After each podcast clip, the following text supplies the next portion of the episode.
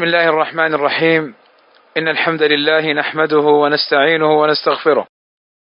ونعوذ بالله من شرور أنفسنا ومن سيئات أعمالنا. من يهده الله فلا مضل له ومن يضلل فلا هادي له. وأشهد أن لا إله إلا الله وحده لا شريك له. وأشهد أن محمدا عبده ورسوله. ألا وإن أصدق الكلام كلام الله وخير الهدى هدى محمد وشر الأمور محدثاتها وكل محدثة بدعة وكل بدعة ضلالة وكل ضلالة في النار. أما بعد فقد توقفنا عند قول شيخ الإسلام محمد بن عبد الوهاب رحمه الله تعالى الأصل الثاني. وقبل أن أدخل إلى الأصل الثاني أحببت أن أراجع معكم وأن نستذكر ما تقدم من بيان شيخ الإسلام محمد بن عبد الوهاب رحمه الله تعالى للمسائل وال يعني الأمور التي يجب أن يعلمها العبد إلى آخره لأن العلم ليس المقصود منه أن المرء يكثر فقط معلوماته وإنما المقصود من العلم العمل وأن يفقه المرء وأن يفقه الواحد منا دين الله عز وجل. فشيخ الإسلام محمد رحمه الله تعالى بين لنا الأربع مسائل التي يجب أن نتعلمها. ما هي العلم؟ والمراد به معرفة الله ومعرفة نبيه ومعرفة دين الإسلام بالأدلة. ثم بعد العلم العمل فيعمل المرء بما علم. ثم بعد ما يعلم ويعمل يدعو إلى هذا العلم. يدعو بنور وبصيرة وبحجة وبرهان. لا بجهل وتخبط. لا ب يعني على الهوى وعلى ما تلقاه من الناس وإنما بالأدلة. ثم بعد العلم والعمل والدعوة لا بد أن يلقى من يعارضه ومن يؤذيه. فلا بد أن يصبر لأنه يدعو إلى الله لا يدعو إلى نفسه. فلا بد أن يحتسب الأجر. فإذا كان نبي الله صلى الله عليه وسلم أوذي في سبيل الدعوة إلى الله إنه لم يأتي أحد بمثل ما جئت به إلا عودي. كما قال له ورقة بن نوفل. فلا بد من الصبر. ثم ذكر الشيخ الدليل على هذا الأمر وهو قوله تعالى والعصر إن الإنسان لفي خسر إلا الذين آمنوا وعملوا الصالحات وتواصوا بالحق وتواصوا بالصبر. ثم نقل مقولة الشافعي رحمه الله تعالى التي بين فيها أن سوره العصر كافية للدلالة على هذه المسائل الأربع العلم والعمل والدعوة والصبر. مع أن الآيات والأحاديث الواردة في هذه المسائل الأربعة كثيرة وكثيرة جدا. لكن الشافعي رحمه الله تعالى يقول تكفي سورة العصر. ثم بعد ذلك أيضا نقل كلام البخاري باب العلم قبل القول والعمل واستدل بقوله تعالى فاعلم أنه لا إله إلا الله واستغفر لذنبك. ثم بين رحمه الله تعالى المسائل الثلاث التي أيضا يجب على كل مسلم ومسلمة أن يتعلموها. ما يتعلق بتوحيد الربوبية بأن الله هو الخالق الرازق المدبر المتصرف وأنه سبحانه وتعالى لم يتركنا هملا بل أرسل إلينا رسولا من أطاعه دخل الجنة ومن عصاه دخل النار. ثم ذكر الدليل ثم المسألة الثانية في توحيد الألوهية وأن الله عز وجل لا يرضى أن يشرك معه لا ملك مقرب ولا نبي مرسل. ثم أيضا المسألة الثالثة في مسألة الولاء والبراء وقد مر معنا ما يتعلق بشيء من التفاصيل المتعلقة بها. ثم بعد ذلك رحمه الله تعالى بين ما الحنيفية السمحة؟ ملة إبراهيم عليه الصلاة والسلام وبين أنها أن تعبد الله عز وجل مخلصا له الدين وأن الله عز وجل أمر الناس جميعا إنسهم وجنهم بهذا الأمر. وأن الحكمة من الخلق أن نعبده سبحانه وتعالى. ثم بين أعظم ما أمر الله به وأعظم ما نهى الله عنه. فأعظم ما أمر الله به التوحيد وأعظم ما نهى عنه الشرك. ثم بين بعد ذلك ما الأصول الثلاثة؟ وهي معرفة الله معرفة العبد ربه ومعرفة العبد دينه ومعرفة العبد نبيه. ثم بدأ بالأصل الأول وهو معرفة العبد ربه. وقد مر معنا فيما سبق ما يتعلق بهذا الأصل. وعلمنا شيخ الإسلام محمد بن عبد الوهاب رحمه الله تعالى أن إذا قيل لنا من ربك أن نقول أن الله ربنا سبحانه وتعالى هو الذي ربانا وربى جميع العالمين بنعمه وهو معبودي ليس لي معبود سواه. ثم بين وعلمنا إن قيل لنا بما عرفت ربك أن نقول بآياته ومخلوقاته. الدالة على أنه سبحانه وتعالى هو الخالق لها وأنه العظيم المستحق للعبادة وأنه المعبود سبحانه وتعالى. فالذي خلق هذه الآيات والذي خلق تلك المخلوقات العظيمة هو الخالق لها وهو المستحق للعبادة سبحانه وتعالى. ثم بين أنواع العبادة وأدلة ذلك. الإسلام والإيمان والإحسان ثم الدعاء والخوف إلى آخر ما مر معنا الذبح والنذر لله عز وجل وغير ذلك من العبادات وكلها يستحقها الله عز وجل. واليوم بإذن الله تعالى ندخل ونتدارس فيما بيننا. بارك الله فيكم ونفعني وإياكم بالعلم النافع والعمل الصالح. الأصل الثاني وهو معرفة دين الإسلام بالأدلة. قال رحمه الله تعالى الأصل الثاني معرفة دين الإسلام بالأدلة وهو الاستسلام لله بالتوحيد والانقياد له بالطاعة والخلوص من الشرك وهو ثلاث مراتب الإسلام والإيمان والإحسان وكل مرتبة لها أركان ثم شرع ببيان أركان كل مرتبة. فاذا الأصل الثاني بعد معرفة الأصل الأول بعد أن تعرف أن الله هو ربك المستحق للعبادة. لابد أن تعرف بما تعبد الله عز وجل. أعبده بالدين الذي أرسل به رسولنا محمدا صلى الله عليه وسلم. فلا نعبد الله بأهوائنا ولا نعبد الله بما كان عليه آباؤنا بل نعبد الله عز وجل بهذا الدين الإسلامي. فلا بد من معرفة هذا الدين ومن لطيف تعليمه رحمه الله تعالى أنه قال معرفة الدين بالأدلة. فلا يقول الواحد منا كان أبي يفعل كذا وكان جدي يفعل كذا وإنما لابد أن تعرف الدليل. الدليل من الكتاب والسنة وما كان عليه سلف الأمة. فهذا الأصل الثاني أصل عظيم وأصل مهم. ينفي التعصب والتقليد وينفي الجهل والهوى وإنما هو الاتباع لما جاء به النبي صلى الله عليه وسلم. فيجب معرفة هذا الدين بأدلته كما سبق من الكتاب والسنة. وإلا فإن ذاك الذي يسأل في قبره من ربك ما دينك من نبيك يقول ها ها لا أدري سمعت الناس يقولون فما ينفعه ذلك؟ فلا بد من هذه المعرفة ولا بد من هذا العلم ولا بد من هذه الدراسة. ما الإسلام؟ قال رحمه الله تعالى هو الاستسلام لله بالتوحيد والانقياد له بالطاعة والخلوص من الشرك. هذا هو الإسلام. الإسلام والمسلم سمي مسلما لأنه مستسلم لا يعارض لا يجادل يعمل بأوامر الله عز وجل ويستسلم لها موقنا مصدقا بأنها حق من الله عز وجل. فالاستسلام فيه ذل وخضوع لله عز وجل وفيه أيضا عدم معارضة لأوامر الله عز وجل هو الاستسلام لله بالتوحيد. يعني أن المسلم يستسلم لله عز وجل فيفرده في ربوبيته ويفرده في ألوهيته. هذا هو الإسلام.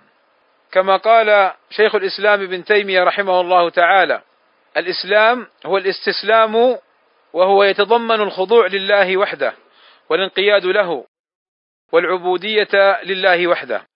فالإسلام هو معنى لا إله إلا الله لأنك لله تستسلم وتسلم ولا تستسلم لغيره. قال والانقياد له بالطاعة والانقياد بمعنى أن تسمع وأن تستجيب وأن تطيع وأن لا تعارض الانقياد له أي لله عز وجل بالطاعة بفعل المأمورات وترك المنهيات. فالله عز وجل هو الذي يطاع ورسله مبلغون عنه سبحانه وتعالى. ولذلك الرسول صلى الله عليه وسلم ماذا يقول؟ من أطاعني فقد أطاع الله ومن عصاني فقد عصى الله. يعني أن طاعتي هي طاعة لله لأني جئت بما أمرني الله به أن أبلغكم إياه. وأن معصيتي هي معصية لله لأن ما أمرت به ولم تسلموا له هو عدم تسليمكم لأمر الله عز وجل. قال الله عز وجل في آيات كثيرة يا أيها الذين آمنوا أطيعوا الله ورسوله. والنبي صلى الله عليه وسلم يقول ما أمرتكم بأمر فأتوا منه ما استطعتم وما نهيتكم عنه فاجتنبوه. أو كما قال عليه الصلاة والسلام فالمسلم ينقاد لله عز وجل ويذعن له بالطاعة. إذا قيل له هذا حرام هذا شرك هذا لا يجوز هذا لا يجوز التوسل من أنواع التوسل المبتدعة غير المشروعة. هذا مثلا كفر يستسلم ويذعن ويتقي الله عز وجل ربه ويبتعد عن ذلك. ثم قال الشيخ رحمه الله تعالى والخلوص من الشرك. يعني بالخلوص رحمه الله تعالى أي التخلص والبراءة والبعد عن الشرك. لأن الشرك ظلم عظيم والشرك والكفر لا يرضاهم الله عز وجل. فكذا العبد المسلم لا يرضى ولا يقبل أمرا لا يرضاه الله عز وجل. لا بد في الإسلام من الاستسلام لله عز وجل بالتوحيد. هذا أمر. ولا بد أيضا في الاستسلام الانقياد له بالطاعة. هذا أمر. ولا بد أيضا في الإسلام من البراءة من الشرك والخلوص من الشرك وأهله. فاذا لا بد من هذه الأمور. حتى تكون مسلما محققا لمعنى الإسلام أن تستسلم لله عز وجل بالتوحيد. وأن تنقاد له بالطاعة. وأن تتبرأ وتتخلص من الشرك وأهله. هذا الإسلام الذي جاء به النبي صلى الله عليه وسلم من عند الله والذي لا يرضى الله عز وجل غيره دينا. فالأديان التي كانت قبل النبي صلى الله عليه وسلم منسوخة. اليهودية والنصرانية. قال الله عز وجل ومن يبتغي غير الإسلام دينا فلن يقبل منه. وبين سبحانه وتعالى أن تلك الأديان السابقة ليست مقبولة في قوله عز وجل لم يكن الذين كفروا من أهل الكتاب والمشركين منفكين حتى تأتيهم البينة فوصف أهل الكتاب بأنهم كفار. لم يكن الذين كفروا من أهل الكتاب فأهل الكتاب أي اليهود والنصارى هم كفار فالإسلام هو الدين الحق وما سواه من الأديان السماوية فهي منسوخة ببعثة النبي صلى الله عليه وسلم وبهذا الدين. فمن يظن أنه على دين الحق أو أنه يجوز أن يكون هناك دين آخر غير الإسلام فهو مخطئ. فلا بد من معرفة هذا الأمر. وهذا الدين الإسلامي ثلاث مراتب. هذا الدين الإسلام في الجملة الذي جاء به النبي صلى الله عليه وسلم هو ثلاث مراتب. ما هي؟ قال الشيخ رحمه الله تعالى الإسلام والإيمان والإحسان. وهذه المراتب كالتالي المرتبة الواسعة مرتبة الإسلام فأهلها كثيرون. ثم المرتبة التالية وهي الإيمان أهلها أقل من أهل الإسلام. ثم المرتبة الثالثة وهي الإحسان أهلها أقل من أهل الإيمان. فكل محسن مؤمن مسلم وكل مؤمن مسلم وليس كل مسلم مؤمن. قالت الأعراب آمنا قالوا آمنا قالت الأعراب آمنا. فقال الله لهم قل لم تؤمنوا ولكن قولوا أسلمنا ولما يدخل الإيمان في قلوبكم. فهذا هو فهذا هو الإسلام وهذا هو الدين. على هذه المراتب الثلاثة المبنية على أعمال العباد وعلى طاعتهم لله عز وجل وعلى استحضارهم لمراقبة الله عز وجل. ثم قال رحمه الله تعالى وكل مرتبة لها أركان. يعني الإسلام له أركان والإيمان له أركان والإحسان له أركان. قال فأركان الإسلام خمسة شهادة أن لا إله إلا الله وأن محمدا رسول الله وإقام الصلاة وإيتاء الزكاة وصوم رمضان وحج بيت الله الحرام. هذه هي أركان الإسلام. الشهادتان مع الصلاة والصيام والزكاة والحج. الركن الأول الشهادة. شهادة أن لا إله إلا الله. أي لا معبود بحق إلا الله عز وجل. فكل ما سواه من الآلهة باطلة. وكل من يدعى من دونه باطل. وكل من عبد غير الله عز وجل فهو كافر. فهذا معنى الشهادة شهادة أن لا إله إلا الله. لا إله نفي لجميع الآلهة إلا الله إثبات الألوهية الحقه لله عز وجل. أول هذه الأركان الشهادتان والشهادتان هما الأصل الذي تبنى عليه الأعمال. ولذلك النبي صلى الله عليه وسلم لما بعث معاذا رضي الله عنه إلى اليمن قال إنك ستأتي قوما هم أهل كتاب يعني كفار فليكن أول ما تدعوهم إليه شهادة أن لا إله إلا الله وأني رسول الله. فاذا لا بد من الإسلام اولا لا بد من الشهادتين اولا. فهذا معنى لا إله إلا الله ومعنى أن محمد رسول الله أن نؤمن وأن نوقن أن نبينا محمدا صلى الله عليه وسلم هو رسول مرسل من الله عز وجل يطاع فيما أمر ويجتنب ما نهى عنه وزجر ويصدق فيما أخبر عليه الصلاة والسلام وأن محمدا رسول الله وطاعته عليه الصلاة والسلام مقدمة على طاعة من سواه إذ هو الرسول المرسل من الله عز وجل. فلا ينبغي أن نقدم الآراء ولا ينبغي أن نتعصب للشيوخ ولا ينبغي أن نظن أن الأولياء عندهم من العلم أو عندهم من الخير ما ليس عند النبي صلى الله عليه وسلم. إن هذا باطل من القول. إذا قلنا نشهد أن محمد رسول الله فيجب علينا أن نطيعه عليه الصلاة والسلام. والشهادتان هما الأصلان الذي ينبني عليهما دين الإسلام كما ذكر ذلك شيخ الإسلام ابن تيمية رحمه الله تعالى. ثم قال رحمه الله تعالى وإقام الصلاة. الركن الثاني من أركان الإسلام إقام الصلاة يعني أداؤها في أوقاتها بشروطها وأركانها وواجباتها وعدم الإخلال فيها. وفي الحديث عن النبي صلى الله عليه وسلم العهد الذي بيننا وبينهم الصلاة فمن تركها فقد كفر. وفي الحديث بين الرجل وبين الشرك الصلاة أو كما قال عليه الصلاة والسلام فالصلاة شأنها عظيم وأمرها خطير والأحاديث والآيات الواردة في ذلك كثيرة وعظيمة فمن تركها وأخل بها فهو متوعد بالعقاب وأول ما يحاسب البرء من عمله الصلاة فإن صلحت صلح سائر عمله وإن فسدت نظر هل له من تطوع. وإقام الصلاة أيضا. نور للعبد وهداية له وصلة بينه وبين الله عز وجل وسبب لانشراح الصدر وتيسير الأمور والصلاة والاهتمام بها طريق إلى توفيق العبد للأعمال الصالحة في دينه ودنياه. فلذلك من أركان الإسلام الصلاة وإيتاء الزكاة وهذا الركن الثالث. والزكاة لها شروط.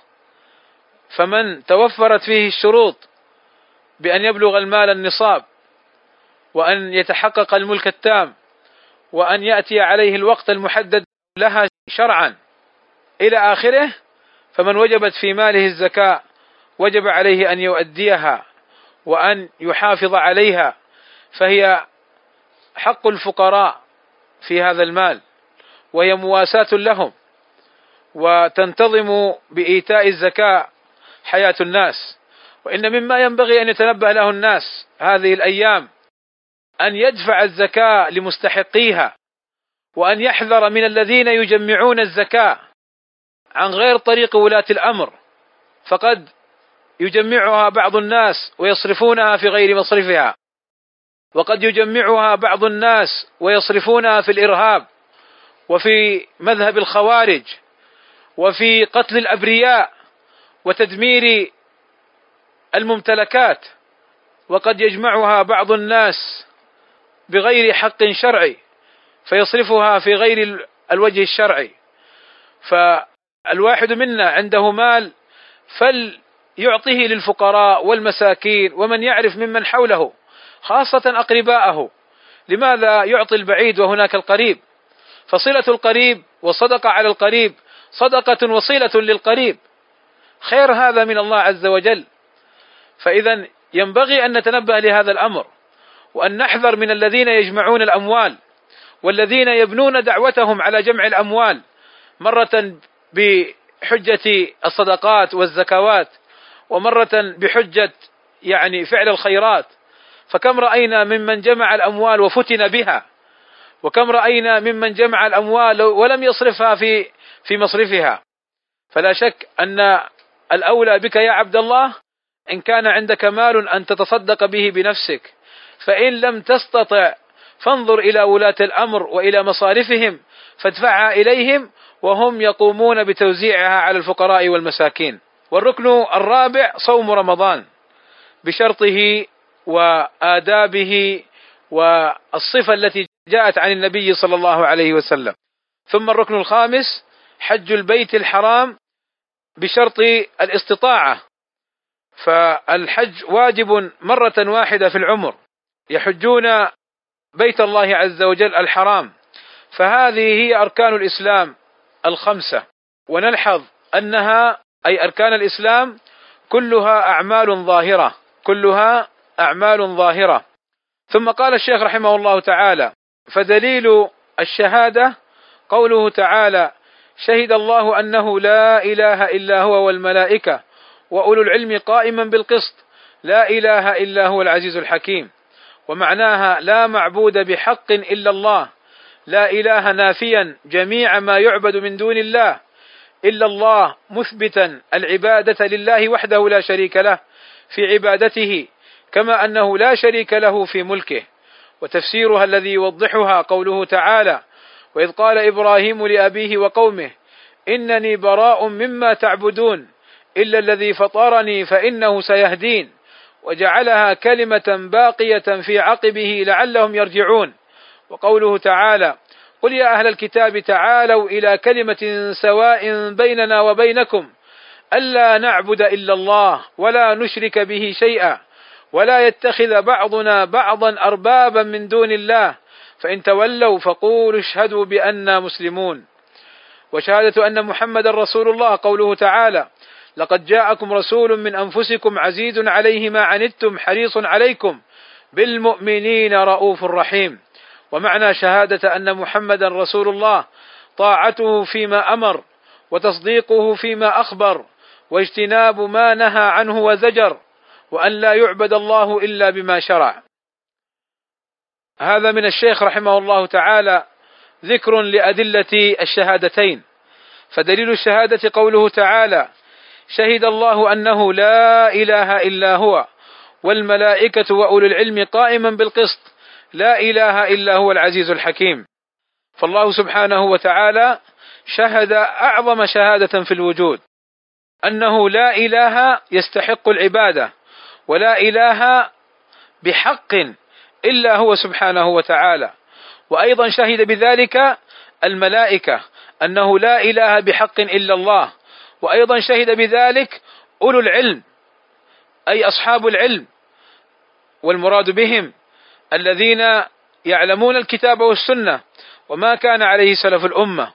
اذا الذين يأمرون الناس بالطواف حول القبور أو بالذبح للقبور أو الذبح للأولياء ويعني يوجهونهم إلى الشركيات فهؤلاء في حقيقة أمرهم. ليسوا بعلماء حق إنهم علماء سوء. وليسوا من أولياء الله وإنما هم أولياء الشيطان. إذ أولياء الله يأمرون بعبادة الله وحده لا شريك له. فهو سبحانه وتعالى شهد بذلك. لا إله إلا هو. إذا قال الشيخ ومعناها لا معبود بحق إلا الله. لا بد من هذا الفهم التام لمعنى لا إله إلا الله. لأن بعض الناس قد يقول معنى الشهادتين لا إله موجود إلا الله ولا ينفي ما سوى الله من الآلهة.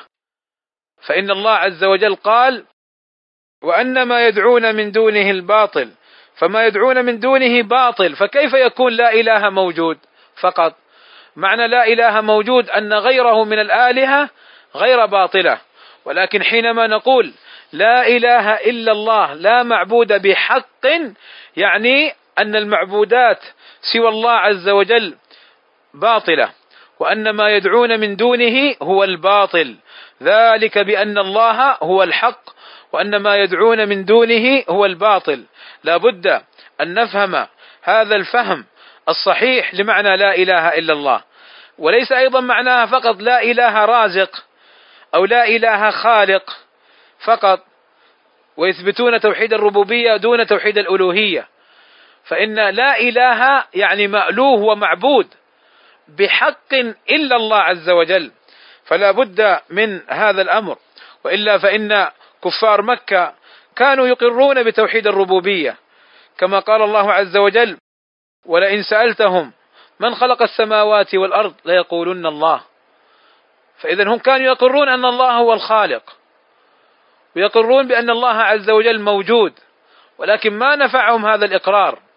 لذلك كما مر معنا بالأمس القريب إنهم كانوا إذا قيل لهم لا إله إلا الله يستكبرون ويقولون أئنا لتاركوا آلهتنا لشاعر مجنون. فلا بد من هذا الأمر. بارك الله فيكم. قال الشيخ مبينا لا إله نافيا. جميع ما يعبد من دون الله. فكل إله دون الله عز وجل باطل. هذا معنى نافي. أي باطل. وليس له الحق في أن يعبد من دون الله عز وجل. إلا الله فيها إثبات العبادة لله وحده لا شريك له في عبادته كما أنه لا شريك له في ملكه. فالله عز وجل نحن نقر بأنه سبحانه وتعالى هو المالك وهو الخالق وهو الرازق فالمالك الخالق الرازق المدبر المتصرف في هذا الكون سبحانه وتعالى هو المستحق للعبادة دون ما سواه. وكلمة التوحيد لا إله إلا الله لها شروط سبعة عند العلماء منها العلم بمعناها نفيا وإثباتا. ومنها اليقين بما دلت عليه. فاليقين ضده الشك فلا بد أن نوقن أن الله عز وجل هو الإله المستحق للعبادة.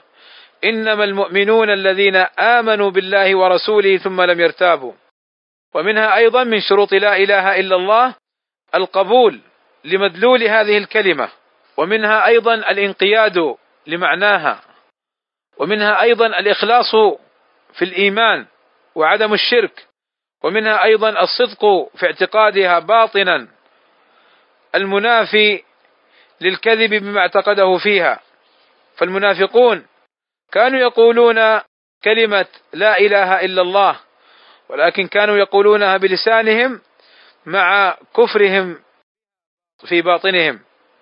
قال صلى الله عليه وسلم ما من أحد يشهد أن لا إله إلا الله وأن محمدا عبده ورسوله صدقا من قلبه إلا حرمه الله على النار. ومن شروطها أيضا المحبة لهذه الكلمة. اذا هذه هي شروط لا إله إلا الله. العلم واليقين والقبول والانقياد والإخلاص والصدق والمحبة. وبعضهم يزيد الكفر بما سوى الله عز وجل من المعبودات. الكفر بما سوى الله عز وجل من المعبودات. أعيد مرة أخرى شروط لا إله إلا الله. فمن شروطها العلم ومن شروطها اليقين ومن شروطها القبول ومن شروطها الانقياد ومن شروطها الإخلاص ومن شروطها الصدق ومن شروطها المحبة ومن شروطها ثامنا كما زاده بعضهم الكفر بما سوى الله من المعبودات. ثم قال الشيخ رحمه الله تعالى وتفسيرها الذي يوضحها قوله تعالى وإذ قال إبراهيم لأبيه وقومه إنني براء مما تعبدون إلا الذي فطرني فإنه سيهدين وجعلها كلمة باقية في عقبه لعلهم يرجعون. يعني إن سئلت ما الدليل على هذا التفسير فاذكر له هذه الآية فإبراهيم إمام الحنفاء يخاطب أباه وقومه الذين عبدوا آلهة من دون الله عز وجل. يخاطبهم متبرئا من هذه الآلهة وأنه كافر بها وأنه مبغض لها. وإذ قال إبراهيم لأبيه وقومه إنني براء مما تعبدون أي من الآلهة التي تعبدونها من دون الله عز وجل. إلا الذي فطرني إلا الله عز وجل. فإني أعبده وهو سيهدين. أي أنه سبحانه وتعالى سيهديني للحق. ولذلك قال الله عز وجل قد كانت لكم أسوة حسنة في إبراهيم والذين معه إذ قالوا لقومهم إنا براء منكم ومما تعبدون من دون الله وجعل هذه الكلمة وهي كلمة التوحيد المتضمنة لعبادة الله عز وجل. والكفر بما سواه كلمة باقية في عقبه أي في أولاده ونسله لعلهم يرجعون. أي لعلهم لهذه الكلمة وهي كلمة التوحيد أن يرجعوا إليها. اذا شيخ الإسلام محمد بن عبد الوهاب يستدل بهذه الآية على تفسير كلمة التوحيد من جهتين. الجهة الأولى لا إله في براءة إبراهيم عليه الصلاة والسلام مما عبد من دون الله. والجهة الثانية إلا الله في قول إبراهيم عليه الصلاة والسلام إلا الذي فطرني فإنه سيهدين. لأن بعض الناس بل بعض علماء بعض المذاهب يفسر لا إله إلا الله بلا إله موجود أو رازق ومع كونه ممن حمل العلم إلا أنه تجده قد يطوف حول القبور وينذر للأولياء ويذبح لهم فما نفعه علمه لأنه لم يعلم العلم الحقيقي. قال وقوله قل يا أهل الكتاب تعالوا إلى كلمة سواء بيننا وبينكم ألا نعبد إلا الله ولا نشرك به شيئا ولا يتخذ بعضنا بعضا أربابا من دون الله فإن تولوا فقولوا اشهدوا بانا مسلمون. هذه الآية أيضا فيها تفسير لا إله إلا الله. فالرسول صلى الله عليه وسلم ينادي أهل الكتاب يهودا ونصارى تعالوا إلى كلمة سواء أي لنجتمع على كلمة حق لا نختلف فيها. ما هي هذه الكلمة؟ ألا نعبد إلا الله لا إله إلا الله ولا نشرك به شيئا. فنوحد الله عز وجل ونفرده بالعبادة ولا نشرك به شيئا. لا نبيا مرسلا ولا وليا صالحا ولا ملكا مقربا ولا شجر ولا حجر ولا غيرها من الأصنام والأضرحة التي تعبد من دون الله عز وجل. ولا يتخذ بعضنا بعضا أربابا من دون الله. أي لا يطيع بعضنا بعضا في معصية الله فيحل ما حرم الله ويحرم ما أحل الله كما كان من شأن اليهود والنصارى. ثم قال فإن تولوا فقولوا اشهدوا بانا مسلمون. أي بانا على الحق على كلمة التوحيد وإن كفروا بها وإن عارضوها وإن خالفوها لأن المسلم بعد أن يبين الحق لا يلتفت لضلال من ضل ولا يقتدي به بل يعرف الحق ويلتزم به. فاذا هذا الآية فيها تفسير معنى لا إله إلا الله. فلو كانت تلك المعبودات وتلك الآلهة من دون الله على حق لما قال الله عز وجل في هذه الآية ألا نعبد إلا الله ولا نشرك به شيئا. لما أمر رسوله صلى الله عليه وسلم أن يقول هذا. ولما قال إبراهيم ما قال. ولكن هذا من إبراهيم عليه الصلاة والسلام. وهذا من نبينا محمد صلى الله عليه وسلم تفسير لكلمة التوحيد. ألا يعبد إلا الله وألا يشرك به شيئا. ثم قال رحمه الله تعالى ودليل شهادة أن محمد رسول الله قوله تعالى لقد جاءكم رسول من أنفسكم عزيز عليه ما عنتم حريص عليكم بالمؤمنين رؤوف رحيم. الشيخ رحمه الله تعالى يورد الأدلة ليكون المؤمن قوله مبني على الحجة ويكون موقن بالأدلة مهما جاءه من جاءه يشككه في هذا الحق فلا يرتاب ولا يزل بل يثبت بإذن الله عز وجل. على الحق. فدليل شهادة أن محمد رسول الله هذه الآية. فالله أخبرنا أنه جاءنا هذا الرسول الذي هو من أنفسنا. يعني ممن نعرفه ومن جنسنا وممن لا يخفى علينا أمره. فليس هو بجني ولا بملك. وانما هو بشر عليه الصلاة والسلام. ثم ذكر من صفاته عليه الصلاة والسلام أي أنه يحزن ويشق عليه أي أمر يشق على الأمة ويخاف عليهم ويريد أن يخفف الله عنهم. حريص علينا بأن يهدينا إلى الجنة وأن ينقذنا من النار. بالمؤمنين رؤوف رحيم. أي أنه عليه الصلاة والسلام فيه من الرأفة والرحمة والعطف على المؤمنين الشيء الكثير. فهذا دليل على رسالته صلى الله عليه وسلم. قال ومعنى شهادة أن محمدا رسول الله طاعته فيما أمر. كما مر معنا وما أرسلنا من رسول إلا ليطاع بإذن الله. كما قال الإمام أحمد رحمه الله تعالى إن الأمر بطاعة الله وطاعة رسوله صلى الله عليه وسلم في أكثر من ثلاثين موضع في كتاب الله عز وجل. فالرسول صلى الله عليه وسلم يطاع ويتبع عليه الصلاة والسلام. والواجب على المسلم أن يتعلم هديه وأن يتعلم أمره عليه الصلاة والسلام وأن يأتسي به وأن يقتدي به عليه الصلاة والسلام. فيطاع فيما أمر ويصدق فيما أخبر. لماذا؟ لأنه وحي من الله عز وجل. وما ينطق عن الهوى إن هو إلا وحي يوحى. وقال صلى الله عليه وسلم لعبد الله بن عمرو بن العاص اكتب فوالذي نفسي بيده ما نطق هذا وأشار إلى لسانه إلا حقا. أي أنه عليه الصلاة والسلام يقول الحق ويهدي إليه بإذن ربه. فلا بد من تصديقه عليه الصلاة والسلام فيما أخبر وعدم الشك أو الارتياب أو الوسوسة في أخباره عليه الصلاة والسلام واجتناب ما نهى عنه وزجر.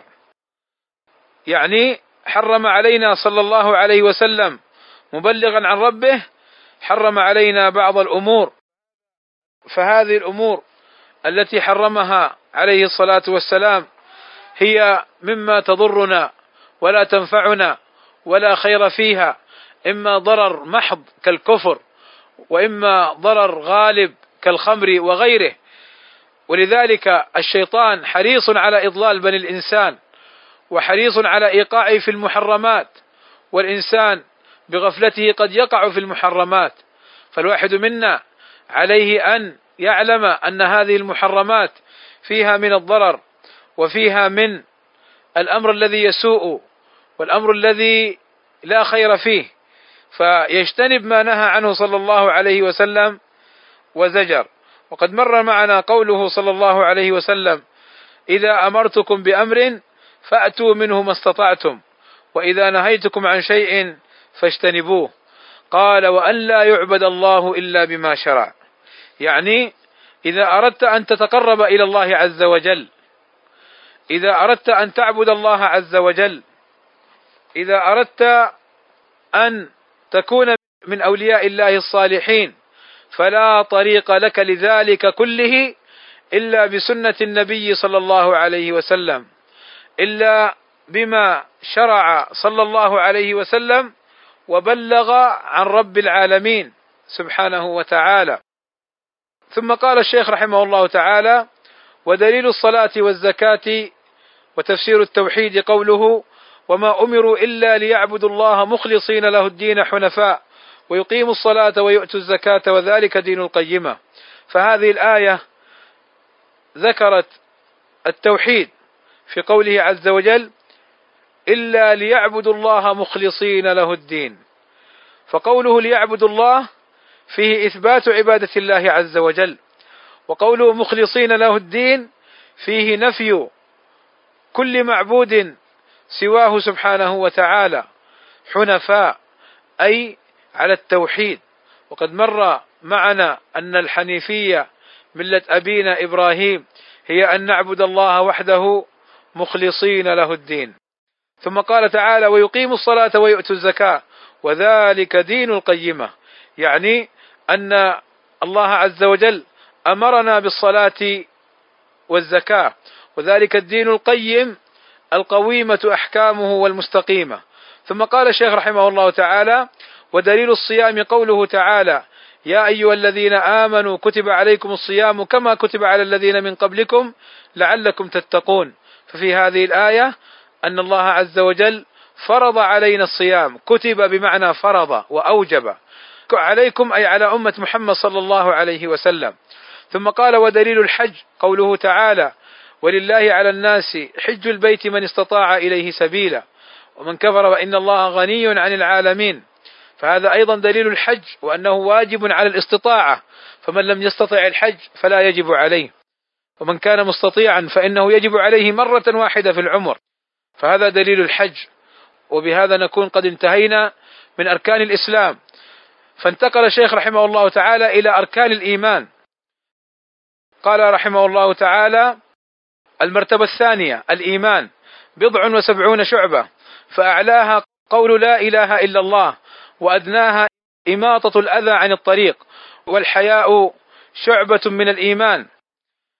الإيمان التصديق لغة وهو قول باللسان واعتقاد بالجنان وعمل بالجوارح والأركان. والإيمان شعب.